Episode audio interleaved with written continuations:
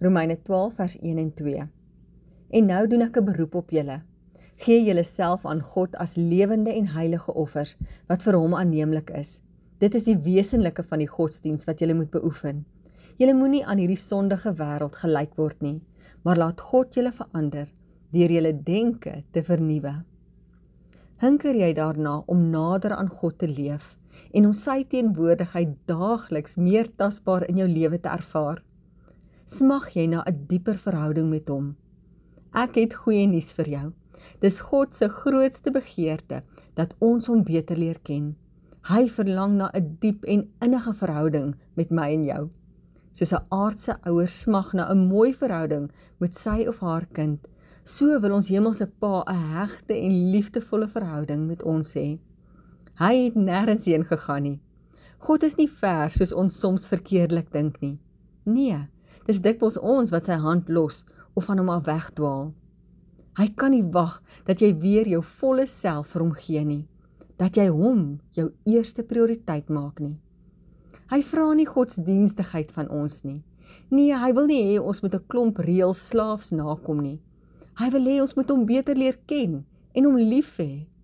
Wanneer ons 'n verhouding met hom leef, buig hy ons wil om sodat ons meer en meer sy wil doen. Jesus vertel een van die mooiste stories ooit om ons te wys hoe ons ons verhouding met God kan herstel en verdiep. Die verhaal handel oor 'n seun wat weggedwaal van sy pa af.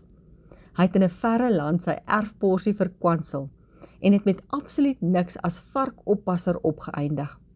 Daar in die varkhok het hy met 'n skok besef dat sy pa se werkers beter af is as hy. Hy het besluit om terug te gaan huis toe.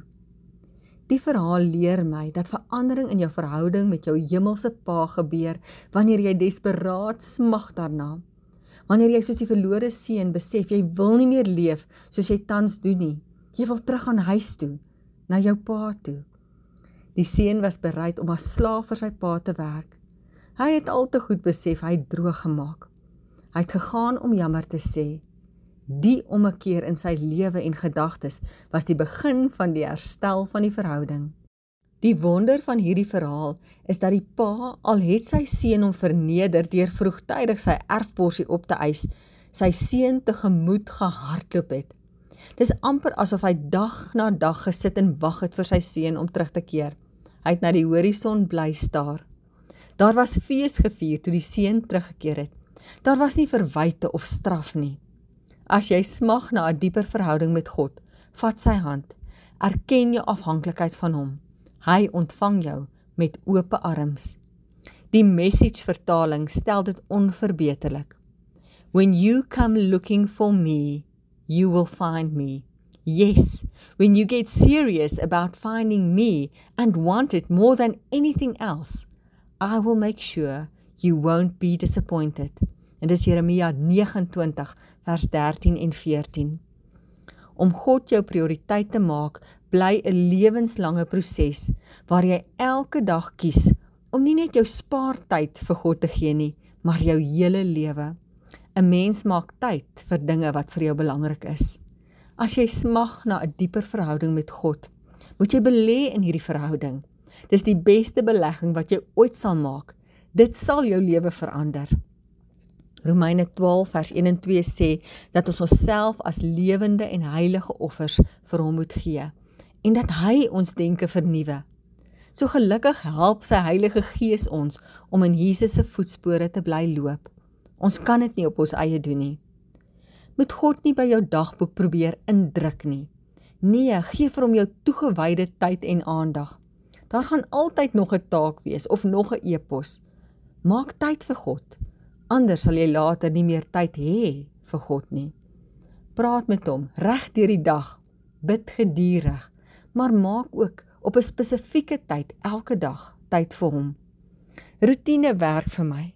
Elke oggend net na 6 is dit my tyd saam met God. Hierdie daaglikse kuiertjie saam met God sal julle verhouding verdiep en verinnig. Gesels openlik met God oor alles, jou seer, jou woede, jou drome. Ons kan eg wees, soos die psalmdigters was. God ken in elk geval die detail van jou lewe. Godsdienstigheid en wettisme is nie waarna hy soek nie. Hy wil in verhouding met jou staan. Raak genoeg stil sodat jy sy stem kan hoor. Jy gaan nie sy stem hoor as jy gedurig praat of altyd haastig is nie.